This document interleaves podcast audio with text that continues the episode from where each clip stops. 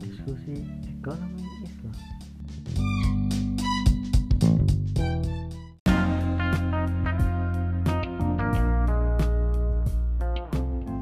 Forecast Islamic Economics in your podcast. Assalamualaikum warahmatullahi wabarakatuh Ekonom Urbani Jumpa lagi pada another episode of Forecast Nah, pada episode podcast kali ini Kita akan membahas mengenai latar belakang munculnya ekonomi Islam kontemporer sebagai sebuah ilmu e, Pertanyaan awal yang biasanya sering muncul ketika kita belajar ekonomi Islam adalah Sebenarnya kapan sih ekonomi Islam itu mulai ada?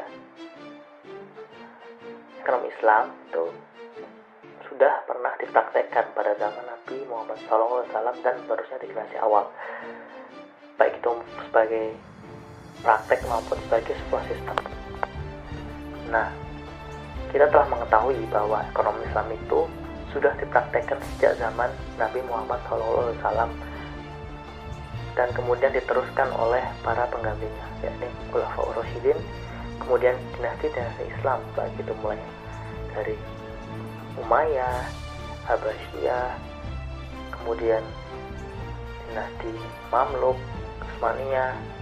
Tapi kemudian bagaimana yang kita tahu di era modern ini dinasti Islam itu peranannya mengendur. Bahkan pada 1924 Utsmaniyah sebagai dinasti Islam terakhir telah bubar. Maka praktek itu setelah tergantikan dengan paham-paham lain mengenai terkait dengan ekonomi. Nah, kemudian kalau ditanya, sebenarnya resminya itu ekonomi Islam sebagai sebuah ilmu ya, sebagai bukan sebagai sebuah praktek itu kapan? Nah, ekonomi Islam sebagai sebuah ilmu itu berdiri pada tahun 1976. Kenapa di tahun ini? Nah, karena di tahun ini itu terdapat sebuah konferensi yang bernama International Conference on Islam Economics yang diadakan di Mekah, Arab Saudi. Nah, konferensi ini itu sebenarnya digawangi oleh OIC. OIC itu Organization of Islamic Cooperation atau dalam bahasa Indonesia ini dikenal dengan OKI, Organisasi Kerjasama Islam. Selain disupport oleh OKI, konferensi ini didukung juga oleh Islamic Development Bank yang didirikan pada 1975. Nah, konferensi ini berkumpullah para cendekiawan Islam untuk melihat bahwa sudah saatnya nih ada urgensi atau rasa mendesak untuk kita sebagai kaum muslim mulai membangkitkan kembali spirit ekonomi Islam karena kondisi yang telah terjadi beberapa dekade belakangan tahun abad belakangan ini ekonomi Islam itu sebagai sebuah sistem apalagi sebagai sebuah ilmu itu mulai pudar dan mulai ditinggalkan. Bayangkan, para ekonom urbani, konferensi ini diselenggarakan tahun 1976.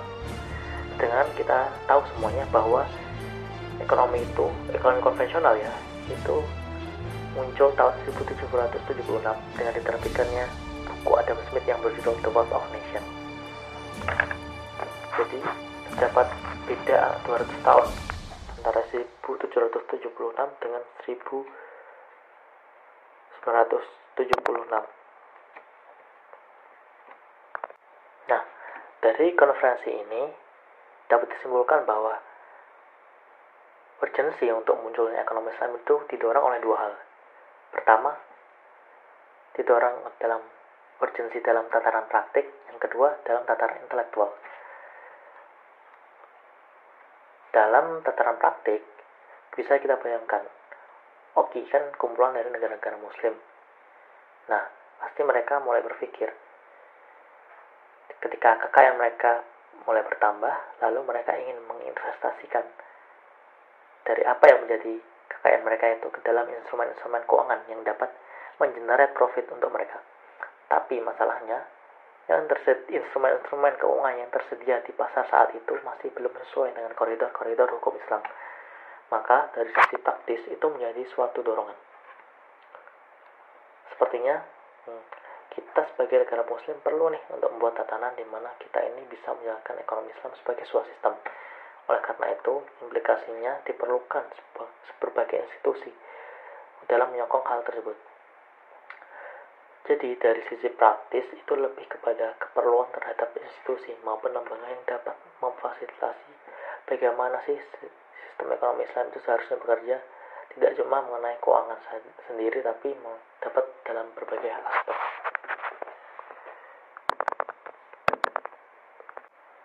Lalu yang kedua dari sisi intelektual. Sebenarnya dari sisi ini juga sangat penting, sama pentingnya dengan dorongan praktis di mana para intelektual Islam merasa bahwa ekonomi yang berkembang saat ini, mazhab maupun sumber pemikirannya masih jauh dengan apa yang menjadi ajaran Islam. Karena itu dari segi intelektual perlukan untuk menata ulang atau memperbaiki dan melengkapi apa yang sudah dipelajari di ekonomi untuk sesuai dengan ajaran Islam itu sendiri dan mengembangkannya apa menjadi sesuai dengan apa yang menjadi koridor dan hukum Islam. Nah, lalu berikutnya muncul pertanyaan. Jika terdapat dua dorongan sekuat itu tentang urgensi adanya ekonomi Islam, lalu memang beda. Memang iya ekonomi Islam itu perlu. Memang seberapa bedanya sih ya ekonomis Islam dengan ekonomi konvensional yang sudah menjadi mainstream dan yang kita telah kita pelajari pada ilmu ekonomi konvensional.